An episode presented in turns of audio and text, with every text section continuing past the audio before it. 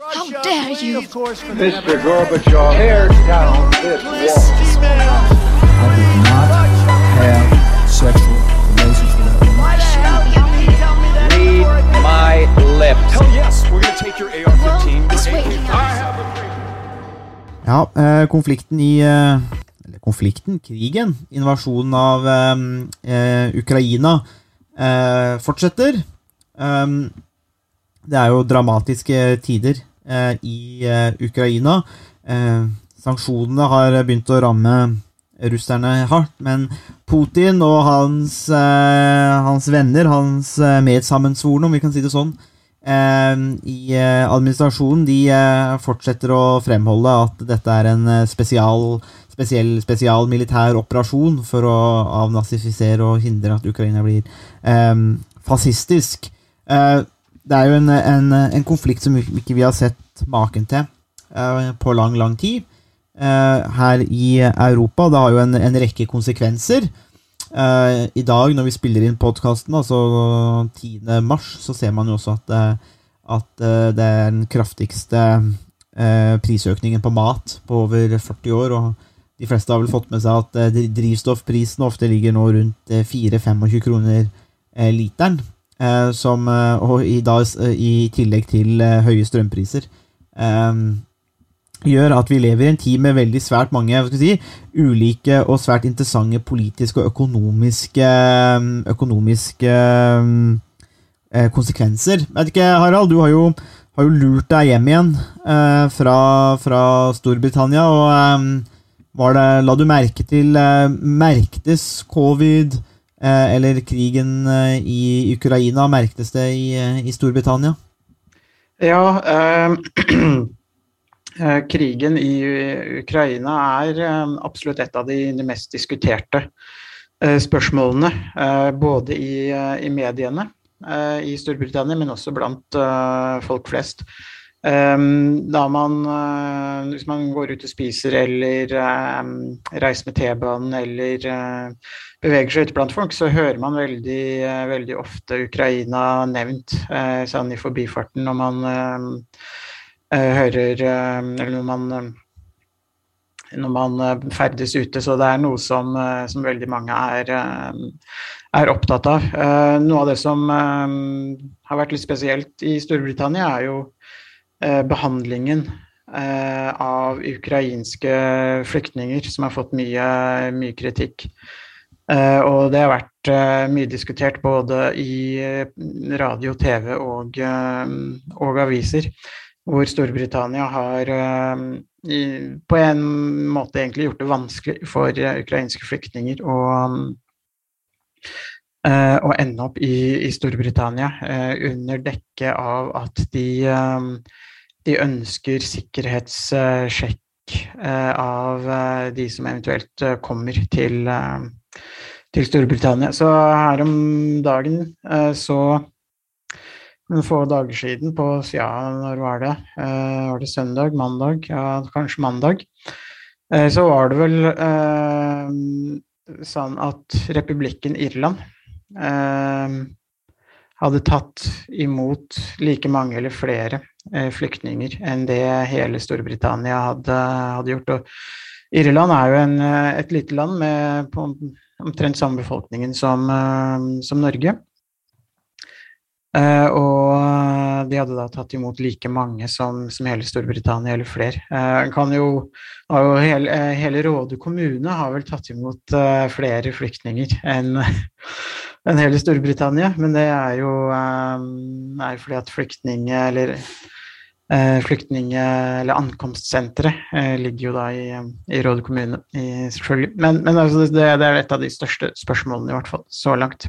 Det var jo en, Eh, Hvor regjeringen har fått mye, mye kritikk både for inkompetanse, men også en sånn motvillighet til å ta imot uh, flyktninger. Mm, Ja, det var jo en Det ble jo kanskje best oppsummert, eller illustrert. Det var en et, et leserinnlegg, eller ja, lesebrev i en britisk avis som gikk sin seiersgang, hvor det var en leser som kommenterte på Det var en historie om en, eh, om en liten gutt som hadde flykta gjennom Europa eh, fra Ukraina og kommet seg i, i sikkerhet. eh, Det var kanskje det var i Tyskland. Og så eh, skrev denne leseren at det var en veldig rørende historie og veldig godt jobba, da, den gutten som kom seg gjennom disse europeiske landene i sikkerhet fra Ukraina. Eh, og så får vi bare prise oss lykkelige for at han ikke møtte det britiske Home Office eh, på veien, for da hadde, da hadde det vært fullstendig stopp. Eh, og det er jo en sånn tweet som måtte ha gått sin seiersgang, som kanskje illustrerer akkurat det du sier, da, Harald. At det, er, eh, det har fått en del kritikk for de tingene der. Og vi snakka med Matt eh, om, eh, om noen av disse sanksjonene, og, og, og litt hvor treigt det har gått med sanksjonene i, eh, i Storbritannia. Eh, hvert fall. Men i dag, 10. mars, så har de også stramma sanksjonene da, mot Roman Abramovic, altså eieren av Chelsea, eller Chelsky, eh, som de ofte har blitt kalt. Eh, og, og det som er interessant, er jo at det rammer jo da Chelsea, altså fotballklubben. Han får jo ikke solgt fotballklubben som han hadde håpa på. Han så nok at det her hvor det, hvor det bar, så han har vel sikkert ønska å selge klubben. Men nå ble de også sanksjonert i dag, da. Eh, Så de får ikke lov til å selge billetter eller supporterutstyr eh, resten av sesongen. Slik at de eneste som får lov til å komme på, på kampene, er de som har sesongkort. Men de kan ikke selge billetter til utenforstående. Eh, og, og det er klart, der er det mye i, i turisme. ikke sant? Dette er store penger å hente for, for klubbene i nettopp gærne nordmenn som reiser over da, for å se på fotball, f.eks. Det er gode pakker, det er god inntjening for, eh, for klubbene. Så det er jo klart en, det er en sanksjon som rammer ganske hardt. Um, og så rammer det jo disse spillerne ganske hardt, da, men, men eh, det er klart, eh, dette er jo spillere med 150 000-200 000 pund i uka. Eh, så spørsmålet er hvor synd det er på de. Men Ja, nei, eh, Det er jo omtrent det samme som det vi får. Så Ja. det er klart, de, de merker det jo ikke, eh, ikke så veldig godt, akkurat som jeg, jeg, jeg skjønner jo at vi har deltatt i forskjellige lønnsforhandlinger uh, her. Uh, jeg, jeg, har nok blitt solgt en litt annen pakke enn det, enn det du har blitt, Harald. Men det er um, Sånn er det. Ja, sånn er det jo. Det er, når du det er, det er sikkert fordi at jeg kommer fra Buskerud, og du er østfolding, og de høyskolene i Østfold kanskje prioriterer da sine egne. Eh, det kan være noe der. På samme måte som, eh, som England gjør, hvor de ikke vil ta imot flyktninger.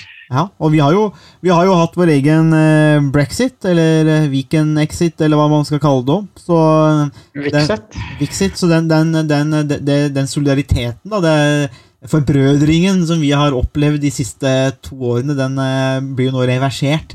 Så da spørs Ja. det da om det er slutt på podkasten eh, kanskje òg, eh, samme dag som Viken eh, går inn. Vi får se. Ja, det er jo eh, fortsatt et par år til, så det betyr vel at podkasten i hvert fall varer et par år til, kanskje. Det, vi, vi, vi, kan jo, vi kan jo håpe det. Eh, men eh, tilbake til eh, Ukraina, som er det vi eh, igjen skal snakke om. Men vi tenker jeg satt jo, eller Det er jo umulig å unngå, da, eh, og lese om Ukraina og invasjonen der nå. Så var det et eh, jeg, jeg så igjen eh, noe på denne akademiske Twitteren. Eh, og da var det jo flere som, eh, som pekte litt på dette med med med Putin eh, som styrer som en diktator, og hva vet egentlig det russiske folket? Hvilke interessegrupper er involvert eh, i beslutningene? Og måtte, hva slags rolle har de som stakeholders? Um, og det fikk meg til å, å lure eller formulere et spørsmål som jeg tenkte vi kunne snakke om i dag. Um, og det er jo et mer sånn overordna spørsmål uh, om eh, invasjonen av Ukraina uh, viser at uh, det er nødvendig med en demokratisering, eller det å spre demokrati i verden. På bakgrunn av en antakelse om at demokratier er mer fredelige. Dette er jo ikke noe nytt i seg sjøl, men det er jo en interessant statsvitenskapelig diskusjon som vi kan ta opp. da. Eh, fordi det er jo ingen tvil om at eh, Putin havner jo, og Russland havner under dette, denne merkelappen for autoritære regimer. Eh, hvis vi går gjennom en rask definisjon av autoritære regimer, så vil jo en, de fleste lærebokene si at uh, dette er regimer som er basert på at man underlegger seg og underordner seg en autoritet. Det er karakterisert av eliter som styrer. Det er ganske begrensa politisk pluralisme. Altså, det er noe, det, men, men kanskje da noe som er sanksjonert eller støtta. Eh, F.eks. av Putin. da. Så Man har jo en Duma som eksisterer, men, eh, men den er jo i hvert fall begrensa. Eh, vi har sentralisert politisk kontroll. Eh, intoleranse overfor opposisjon. Altså man tillater ikke opposisjon. Eh, og menneskerettighetsbrudd. Eh, det er ofte som eh, i, i de tekstbokene eller lærebøkene som jeg bruker, da, f.eks. i komparativ politikk, så er det dette de fremhever som, som uh, noe av det som er uh, uh, som kjennetegner et autoritært regime. Det er vel, vi kan bare akkurat bare Før vi går inn på spørsmålet om demokrati, så er det vel ingen tvil om at det Putin driver med nå, eller Russland driver med nå, det viser jo bare for Det er, det er jo noen tekstbokeksempel, lærebok-eksempel på autoritære regimer. Tror du ikke det? Jo, uten tvil. Og det som er interessant, er jo også at Russland har jo gradvis beveget seg i autoritær retning. Eh, det har jo siden Putin tok over for over 20 år siden, så har det jo egentlig ikke vært noen reelle maktskifter i, i Russland. Det har vært et skifte mellom Dmitrij Medvedev med, med, Medjed, Medvedev med, Nå klarer jeg ikke å snakke lenger. Medvedev. Og Vladimir Putin. altså Putin junior, da? Ja. og men det var jo ikke noe hvor det egentlig bare bytta plass fra statsminister til, til president, og vice versa. Men det, det, har ikke vært noe tvil om at det har vært Vladimir Putin som har styrt Russland i, i over 20 år, og gradvis skapt et, et, mer og mer totali, ikke totalitært, men autoritært styre. Det oppfattes nok totalitært òg, vil jeg tro. Ja, så det er jo også blitt gradvis mer og mer totalitært, selv om kanskje altså er, Nå kommer vi kanskje inn på litt mer sånn uh, spissfindige uh, begrepsbruk.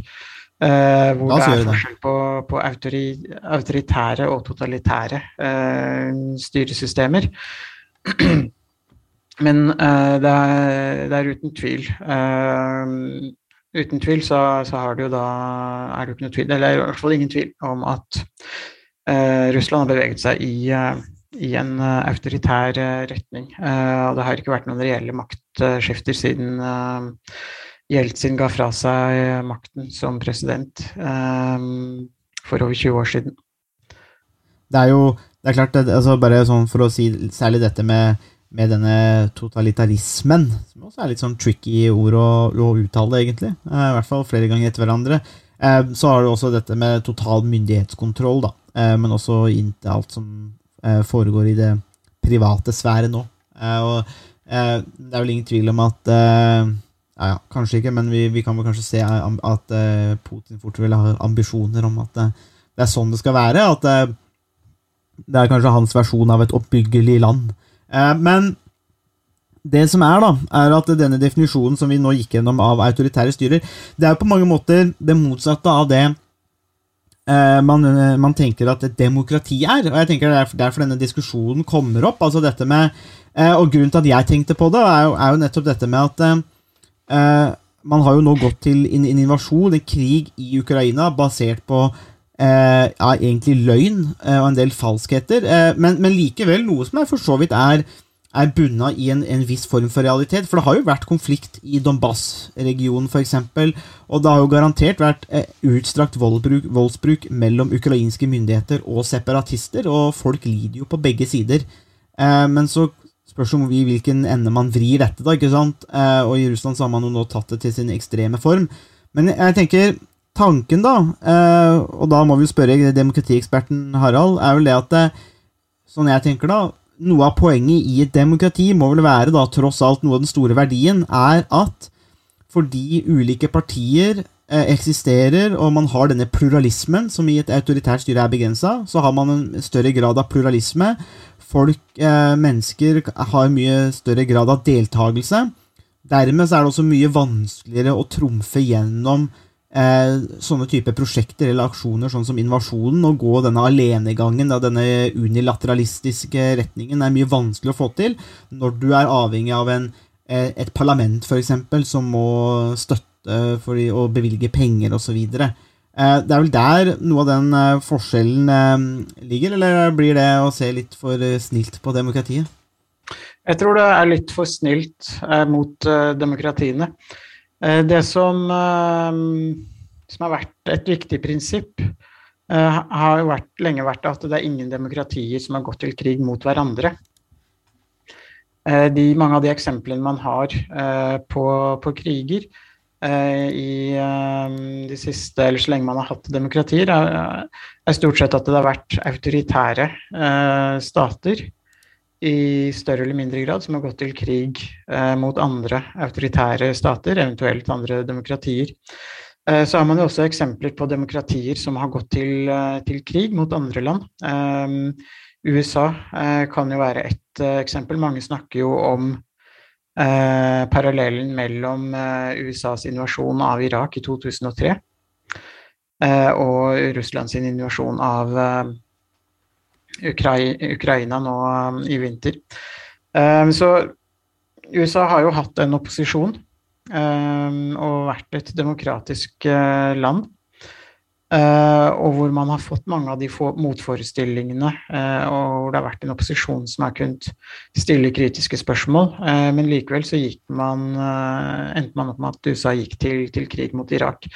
så det er ikke nødvendigvis sånn at et, en demokratisk styreform vil hindre uh, at, det, at, det, blir krig.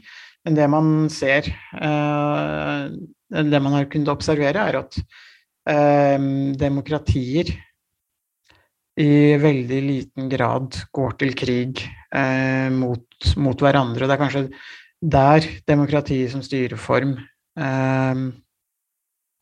kan skille seg litt fra andre, andre styreformer. Mm. Um, og kan bare legge til at Irak var jo ikke noe demokrati uh, i 2003. Det er det vel knapt i dag også. Mm. Um, så det var jo et eksempel på et demokrati som gikk til krig mot en autoritær uh, stat.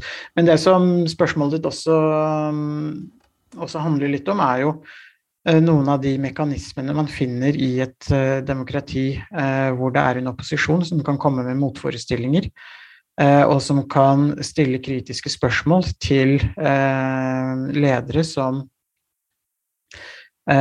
forteller usanne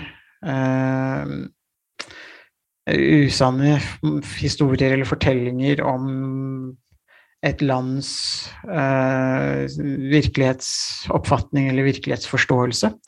Uh, og man kan komme med alternative visjoner uh, om hva landet skal gjøre, og hva landet skal, skal være. Og det er jo noe som har totalt manglet i, i, Russland siden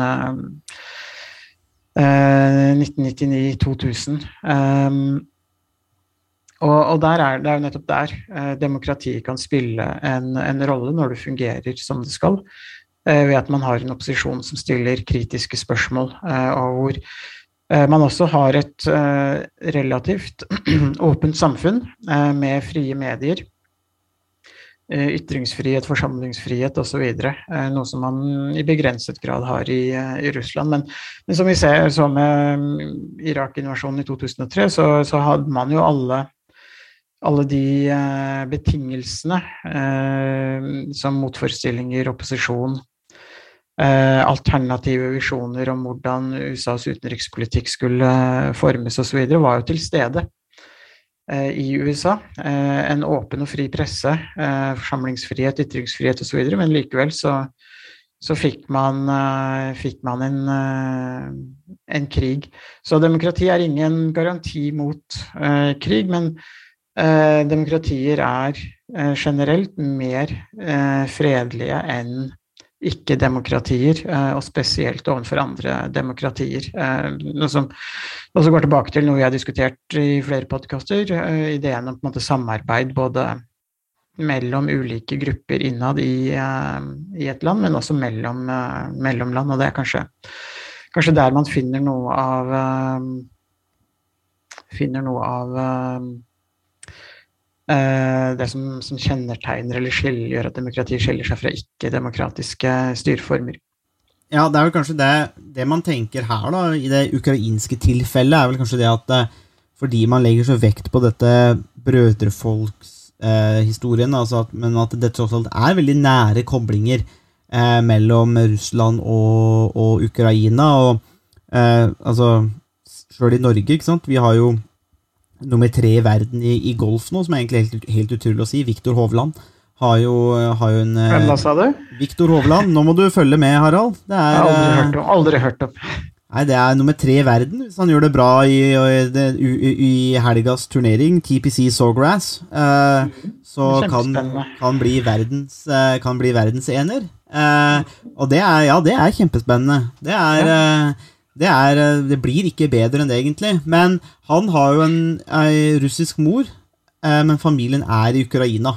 Eller mesteparten av familien er ukrainsk. Eh, og det viser jo kanskje bare den der, Den tette koblingen, da eh, mellom disse landene. Og da er vel kanskje tanken at hvis Russland hadde vært et demokrati, da, fungerende demokrati, så ville, vel kanskje, så ville kanskje terskelen også vært ganske mye høyere for mange å gå til krig mot Ukraina, rett og slett fordi at en sånn type krig ville vært vanskelig å selge inn nå for mange parter i Russland. Rett og slett fordi at de koblingene er så tette og nære, og du skal få ulike grupper i samfunnet med på denne innovasjonen, og da er det jo mange som liksom begynner å stille spørsmål hvorfor det.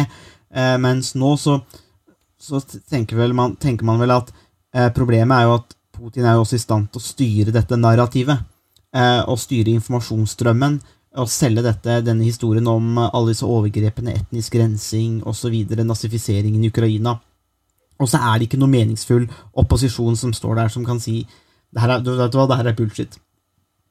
Det her stemmer ikke. Og så har, har ikke den opposisjonen den har ikke noe makt til å stoppe Putin.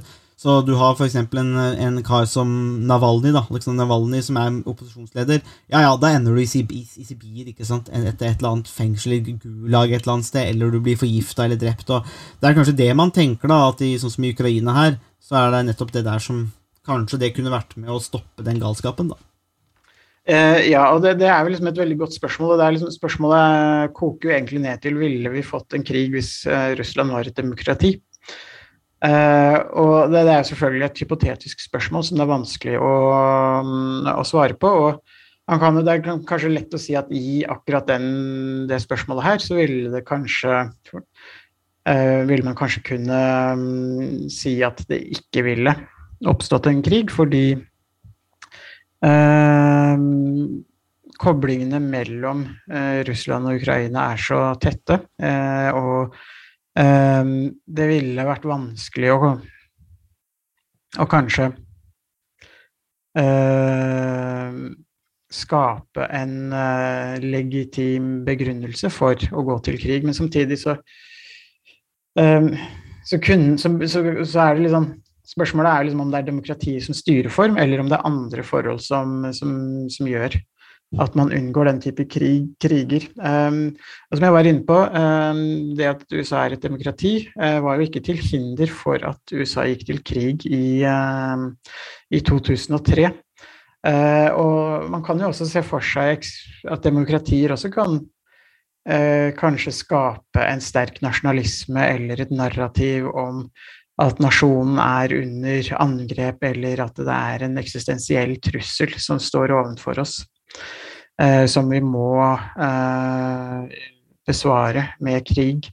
Så, så man kan jo kanskje se for seg at det vil være mulig, eh, selv for et demokrati, å skape den type fiendebilder også. Ja, men det tror jeg er, og det tror jeg er helt opplagt, og jeg tror arven fra, fra krigen mot terror er vel egentlig det at eh, det er fullstendig mulig for stater, og, og f.eks. slik det var i USA, men også i Vesten, å selge disse narrativene og dette, denne mm, ideen eller tanken om at eh, man, eh, man skal kjempe mot en eksistensiell trussel, for det var det man gjorde. Man bygde jo opp terrorisme som en eksistensiell trussel på, med fravær av bevis. Um, uh, det var jo, altså Man skal jo ikke undervurdere sikkerhetskonteksten etter 9-11 2001, 11.9-angrepene, 11. september-angrepene, men, men likevel, det var en del bevis som viste at eh, det her var et relativt isolert, altså en isolert hendelse. Det var, dette var ikke starten på noe nytt. da. Eh, det eh, var det jo flere som pekte på.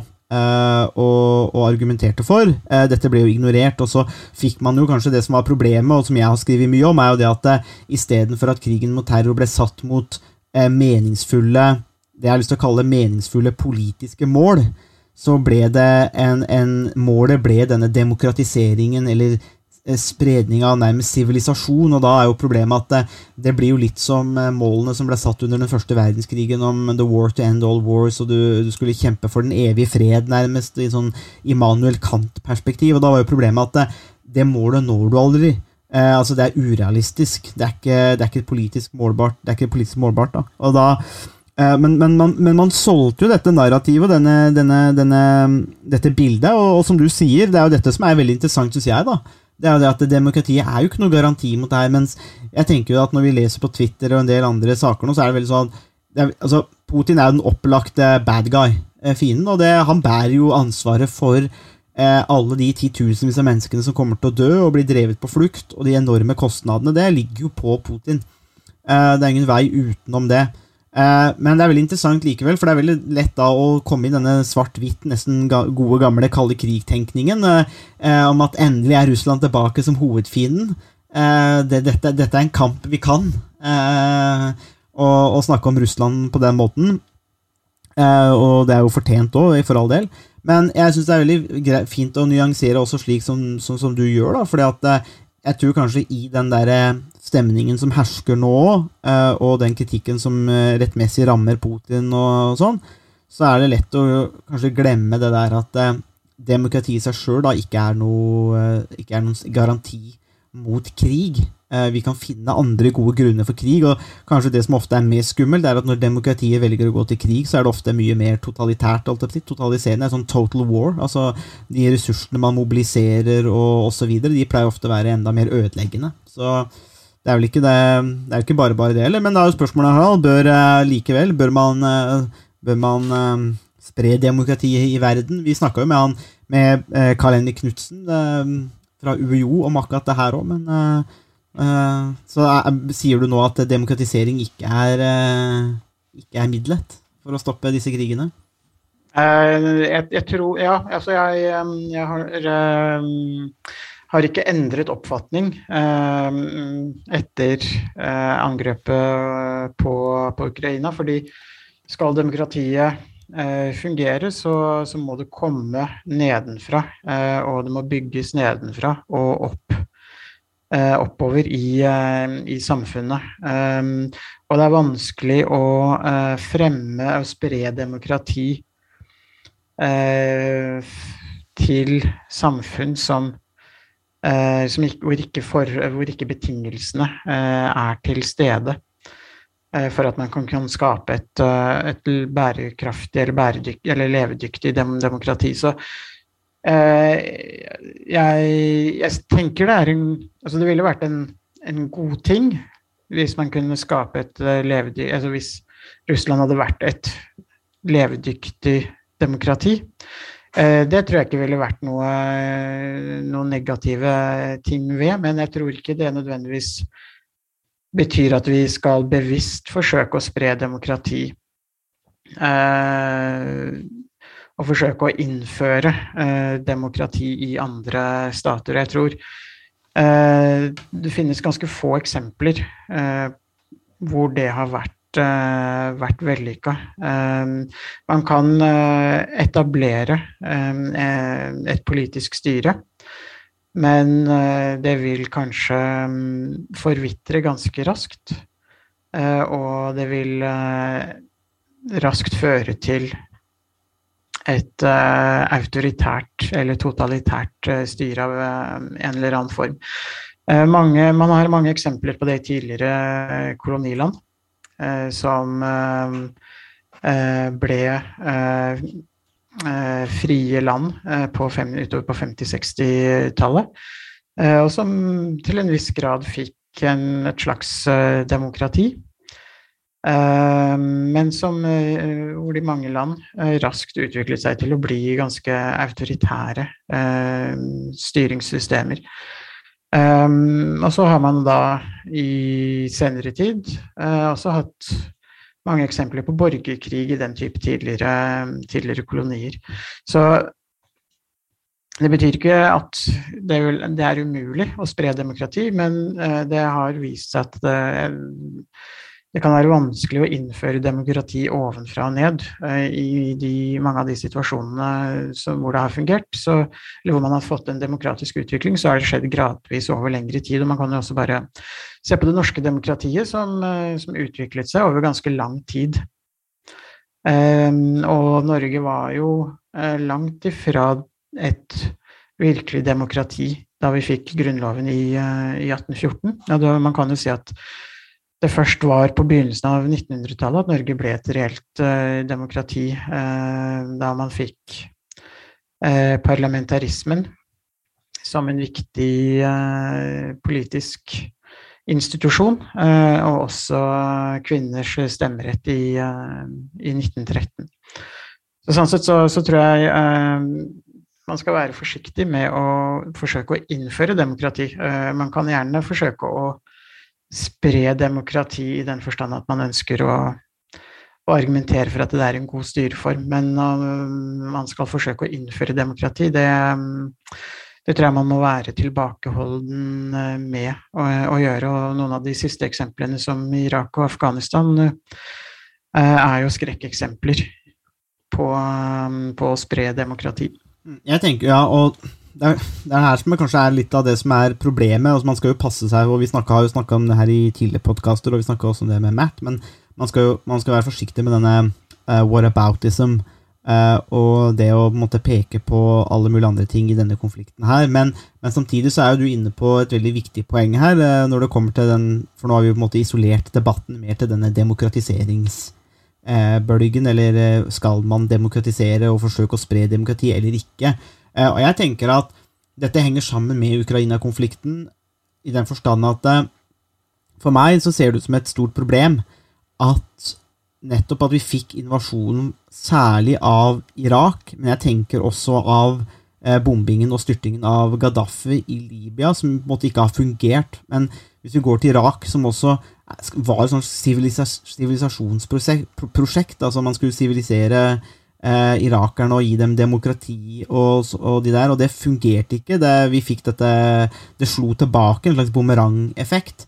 Eh, og jeg tror det som er problemet nå, er det at eh, det gjør jo at Vesten, for eksempel, og de demokratiske landene, har jo ikke noe moralsk eh, high ground. Det er ikke noe sted å stelle seg moralsk, fordi at eh, man har jo gjort dette sjøl, på en måte, med våpen i hånd, forsøkt å spre ting. Jeg tror Hadde man unngått de litt sånn illiberale den særlige invasjonen i Irak, så tror jeg kanskje man har hatt en sterkere posisjon nå til å stå og si at nei, vi må samle oss om disse ikke-voldelige løsningene, om demokrati, om liberalisme eller frihandel og alle disse prosjektene. Eh, og så er jeg litt redd for at eh, det, det, som har skjedd, særlig via krigen mot terror, har gjort at, eh, at eh, i hvert fall i mange deler av verden så oppfattes vestlig retorikk og politikk som veldig sånn kanskje propaganda, men også som en, preget av dobbeltmoral. Og det tror jeg kanskje kommer tilbake og biter litt. Og dermed så tenker jeg også at man også Det også er en grunn til at man skal, være skeptisk til dette demokratiseringsprosjektet. Og så får man heller si at de statene som har lyst til å bli demokratiske, og jeg tror jo at det er best for eh, de aller, aller fleste, så må det komme nedenfra opp og innenfra, og så må jo det være et ønske fordi at eh, disse demokratiske styrene viser at dette er en fin måte å gjøre ting på. altså at Dette er en god måte, dette fører til fred og stabilitet osv. Ikke fordi at det står en hær med våpen som sier at nå skal dere velge sånn og sånn. Eh, fordi at dere skal bli et demokrati. Det er, det er, noe, med det, det er noe med det der som Gandhi snakka om òg. Det må være en kobling, en sammenheng mellom middel og mål. Eh, og Gandhi sa, mente jo at eh, du kan jo ikke kan jo ikke vokse en, en vakker rose basert på giftige frø. Eh, og det tenker jeg kanskje er noe av det som er tilfellet her òg, da. At, eh, at eh, ja, man, man, må passe på at det, om vi skal kalle det det demokratiseringsfrøet, demokratifrø, det kan ikke, det kan ikke være giftig, da. Eh, hvis vi kan si, bruke det bildet, da. Ja, altså man har, jeg tror man uh, nok har lært en ganske uh, dyr lekse når det gjelder demokratisering. Uh, hvis vi tenker tilbake på Afghanistan, Irak og Libya. Libya. så sånn sett så, så er, det, er, det, nok Jeg vil nok være veldig vanskelig å få med noen land på å gjøre noe tilsvarende. Jeg tenker at i, i, å gjøre noe tilsvarende i dag. Jeg tenker at det også er litt sånn gjør at jeg også er, ikke, jeg er ikke helt Jeg syns øh, det dobbeltmoralske argumentet som har fått mye oppmerksomhet nå de siste ukene, det, jeg synes det øh, er, kanskje er litt svakere enn det mange av øh, av forkjemperne egentlig mener. Egentlig Jeg, jeg syns ikke det har, samme, har så veldig stor kraft. fordi at noe av det Vesten har lært, er nettopp at de, det, det her fungerte ikke. I, Irak var en katastrofe. Eh, det samme var eh, Afghanistan og Libya. Det, det å bare um, trenge inn i et land eh, og skape demokrati, det er jo, er noe som ikke har fungert, av, av mange grunner. Både interne og eksterne grunner. USA sin planlegging av de nye samfunnene i Irak, Afghanistan og f.eks. var jo totalt fraværende. De hadde ikke noe plan eh, for hvordan det skulle gjøres. Eh, de hadde ikke noe eh, landkunnskap eller forståelse eh, av historiske politiske konfliktlinjer osv. Og, og i tillegg så var kanskje ikke de landene eh, var antagelig ikke betingelsene til stede heller internt i de landene for å skape et, et demokrati. Men det, det, det, det, jeg tenker er jo at Vesten har jo lært uh, at det her fungerer ikke. Og det er på en måte konklusjonen som USA, eh, Storbritannia og de andre landene som har vært med på å støtte uh, invasjonene både politisk og militært, de har lært at det her uh, funker ikke, det gjør vi ikke lenger, rett og slett. Um, så jeg tenker at det blir, jeg tenker kanskje at det det dobbeltmoralske dobbelt Eh, argumentet eh, veier så tungt. Eh, det som, er, som jeg syns er litt mer interessant, det er egentlig det at Vladimir Putin har jo liksom trukket den motsatte konklusjonen av hva Vesten eh, gjorde. Fordi han, hans konklusjon eh, Han har jo også brakt inn Irak-invasjonen i noe av retorikken han har eh, brukt for å forsvare invasjonen i Ukraina. Og jeg tenker at hans konklusjon er jo egentlig at det, fordi Vesten har gjort det, så kan han gjøre det.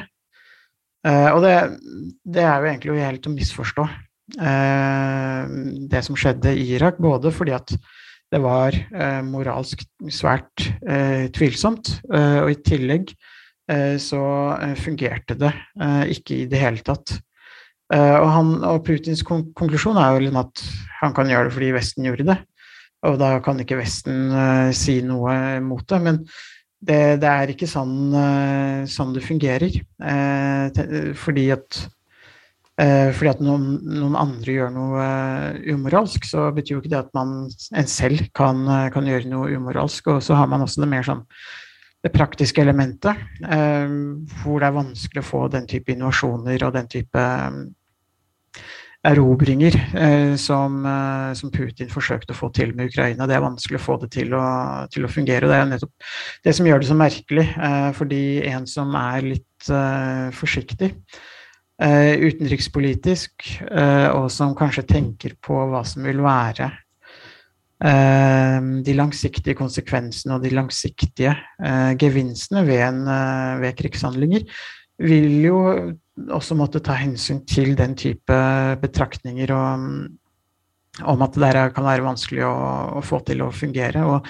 det virker som den type um, betraktninger har vært fraværende i de beregningene og betraktningene som, eh, som Putin og hans eh, rådgivere har, har, gjort i forkant av forsøket på å invadere Ukraina. Mm. Det er, jo, det er et par ting som jeg tenker er veldig interessant der. Det første er jo, å starte med det siste der, er jo nettopp kanskje det som flere hevder òg er det som skjer ofte i autoritære regimer eller diktatorstyrte land nå, at det blir sånn boble med liten informasjon som tre, ikke trenger altså lite informasjon som trenger inn. Virkelighetsforståelsen blir ofte litt eh, forstyrra og og, og ofte vrangforestillinger, og det kan jo også hende at det er det som skjer her, og at man blir ikke møtt med motsetninger, man blir ikke møtt med disse andre argumentene og forståelsen for Ukraina, da, som er i, i, dette tilfellet, og så agerer man på en måte ut fra sin egen boble, og så, sånn som det kanskje ser ut som nå, så får man jo pisken, da. Eh, ved at invasjonen går mye tyngre enn, det de hadde trodd. Eh, ukrainerne holder ut, eh, og resten av verden, vel, og, særlig Vesten, har innført sanksjoner som nok ikke Putin regna med at Vesten ville gjøre. fordi Det er jo kostbart for vestlige land nå, men man ser at det, det er de villige til å gjøre. Um, så det tenker jeg er uh, igjen da, noe som kanskje skiller demokrati og autoritære styrer òg. Dette med informasjonsflyten uh, uh, og denne bobleeffekten som ofte skapes rundt disse lederne da.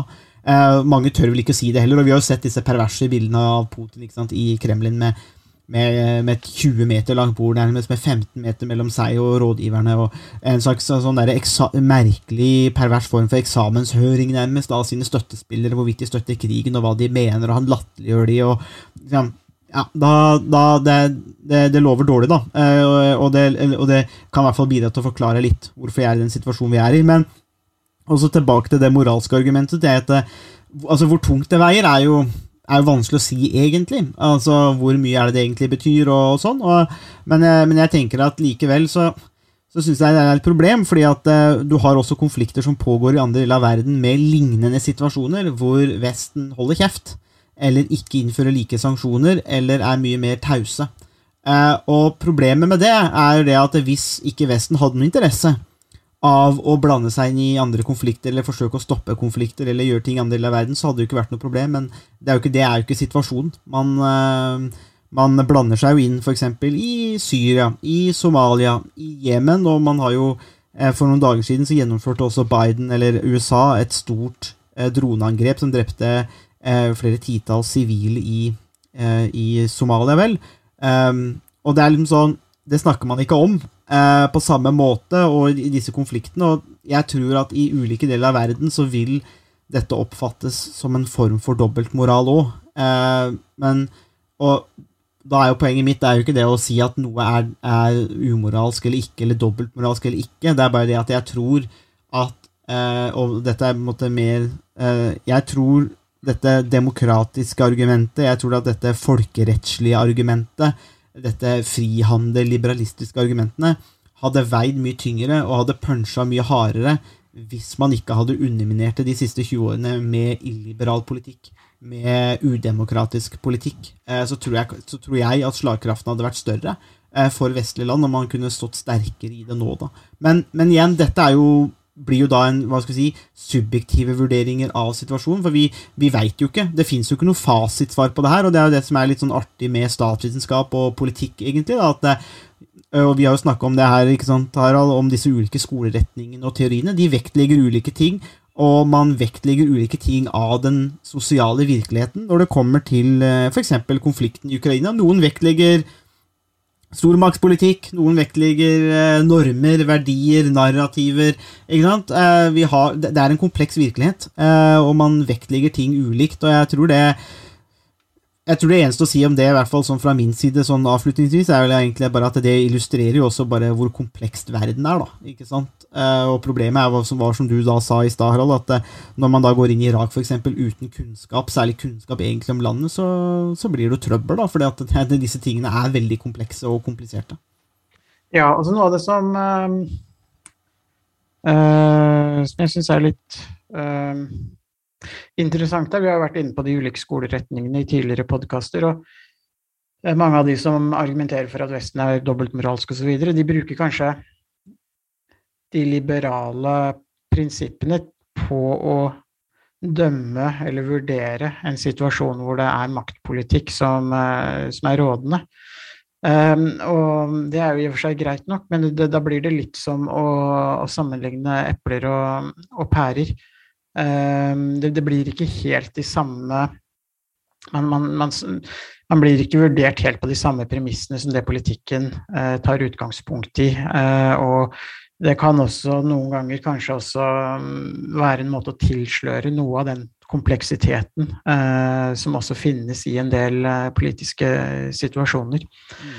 Eh, som, som gjør at det Eh, det kan, være veldig lett å liksom si at Vesten er dobbeltmoralsk, og eh, Vesten bryr seg mer om Ukraina fordi det er blonde, hvite eh, flyktninger, i motsetning til syriske flyktninger eh, eller andre flyktninger, eh, osv. Jeg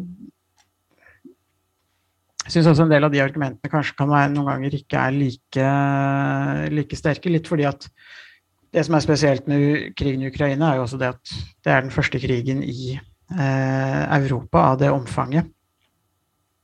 Mm. Eh, siden andre, andre, verdenskrig, og det er jo en krig som skjer mye nærmere eh, Europa. Eller det skjer jo ikke Det er jo ikke bare nærmere Europa, men det er jo i, uh, i Europa, og på en måte uh, hjertet av Europa, siden Russland også er jo en stor del av, um, av Europa. Så sånn sett så, så, skjer det jo midt i, um, midt i Europa. Så det vil jo være, bare være naturlig at Vesten um, bryr seg mer om en konflikt som skjer i et naboland, enn en konflikt som, som skjer langt unna. Det er jo, det er jo også sånn Noen tenker jo også at ja det her handler om at uh, den moralske verdien, eller den verdien vi måtte sette på ulike mennesker, er forskjellig. Og det argumentet også er litt usikker, fordi at altså sånn abstrakt så er jo alle mennesker like mye verdt i den forstand at alle har en egen, det man kan kalle en egenverdi, og har en verdi som, som menneske. Eh, men det er jo også sånn at det er veldig vanskelig for oss å forholde oss til mennesker vi ikke eh, har noen relasjon til, og som vi ikke kjenner, eller som vi ikke har noen eh, eh, sånn direkte moralske eh, bånd med. Eh, så, det, så, selv om man åpner grensene nå og på mange måter bryr seg mer om konflikten i Ukraina enn andre pågående konflikter, så er jo ikke det fordi at man tenker at de som rammes av andre konflikter, ikke har den samme moralske verdien, men det er jo naturlig at dersom eh, nabohuset brenner, så vil man eh, forsøke eh, å, å, gjøre noe for å, å, å slokke brannen. Og der er jo også et, eh, Hvis man ser på det litt sånn fra et moralsk perspektiv, så er jo også det på en måte et klassisk eksempel. altså Hvis man står foran et, et brennende hus, og det er to personer inne i det brennende huset. Eh, den ene er personen eh, er en person man kjenner veldig godt. F.eks. en kanskje man kan si bestevenn, ens egen bestevenn.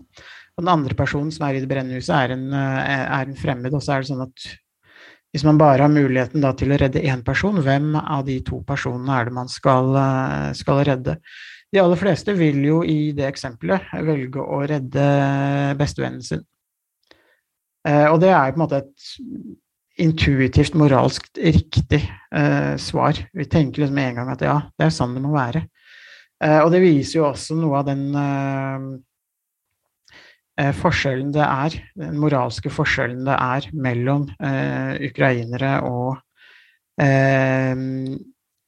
de som rammes av andre voldelige konflikter i andre deler av verden. Rett og slett fordi at eh, de, altså Ukrainerne er jo ikke nødvendigvis våre beste venner, men i hvert fall litt sånn metaforisk så er det de vi har en, en sterkere og tettere relasjon til, som gjør at det er naturlig eh, å redde de som er nærme oss, istedenfor de som er lengre, lengre unna. Det er jo Eh, andre naboland som er i nærheten av de, de andre konfliktene, som, eh, som, kanskje står nærmere til å kunne hjelpe mer eh, Gi en mer utstrakt hjelp i andre, andre, konflikter. Så sånn sett så, så, tenker jeg at det er ikke nødvendigvis sånn at vi, vi i Vesten er så dobbeltmoralske som det mange eh, beskylder Vesten for, eh, for, å være. Når det er sagt, så, så, skal ikke jeg si at det ikke er dobbeltmoral i, i Vesten, men eh, det finner man nok også andre steder. Og dobbeltmoral er jo noe som også er dypt, eh, dypt menneskelig, sånn sett. Eh, og jeg vet ikke om andre andre nasjoner eller andre deler av verden nødvendigvis er noe mindre dobbeltmoralsk. Det er kanskje, kanskje en annen form for dobbeltmoral eller andre eh, andre områder hvor de, eh, hvor de, kanskje utviser noe av det, det samme. Men eh, eh det betyr ikke nødvendigvis at, at, Vesten er så dobbeltmoralsk som det som eh, som man kan få, eh, få, inntrykk av i en del. Poster både på sosiale medier og i, uh, i andre sammenhenger. Mm. Nei, Vi skal jo ikke gå inn på den uh, altså videre diskusjonen, for det blir jo altfor alt for langt. Men det er klart det er jo et uh, interessant poeng her som vi bare kan avslutte med, og det er jo den som vi, vi kan måtte la lytterne få lov til å sitte igjen med òg. Det er jo litt den derre uh, det som du tar opp helt til slutt her Altså eh, abstrakt, som du sier, så er jo alle mennesker like mye verdt, men i praksis eh, eh, er, det, er det faktisk sånn, eller er det sånn at i praksis, i realiteten, så står vi noen mennesker nærmere, noen grupper nærmere, og at eh, kanskje vi bare har en begrensa kapasitet da, som mennesker til å bry oss om andre mennesker. Altså, ja, vi har en begrensa evne til å gjøre det, og eh, dermed så får man denne situasjonen da, hvor man eh, stiller opp på en måte for ukrainerne. Eh, og så kan det fort hende at eh, det hadde vært mye, nordmenn hadde vært mye raskere til å stille opp på svensker, f.eks. Man kan tenke seg den situasjonen der òg. Vi skal ikke ta stilling til det nå, men det er jo et interessant sånn moralsk tankeeksperiment som vi kan eh, gi lytterne eh, når vi avslutter episoden. Nettopp denne eh, den der nøtta der, og hvis det er noen lyttere som har noen tilbakemeldinger, så er det bare å, å sende inn, for det er ikke noe rent fasitsvar på det her, men det er en ganske seriøs og djup, eh, djupt poeng og innsikt hvis mennesker er bygd opp på denne måten. Eh, kanskje fordi at det er en måte vi ikke liker å tenke Vi liker ikke å tenke om oss sjøl på den måten, men, men hva om det er sånn, da? Så det er jo en, en, et interessant eh, filosofisk eh, poeng eh, som vi kan eh, avslutte med. Og hvis det er noen av lytterne som har lyst til å kommentere det, eller komme med innspill på det, så er det bare å slenge inn. Vi tar imot, og så skal vi ta det opp i en eh, episode seinere.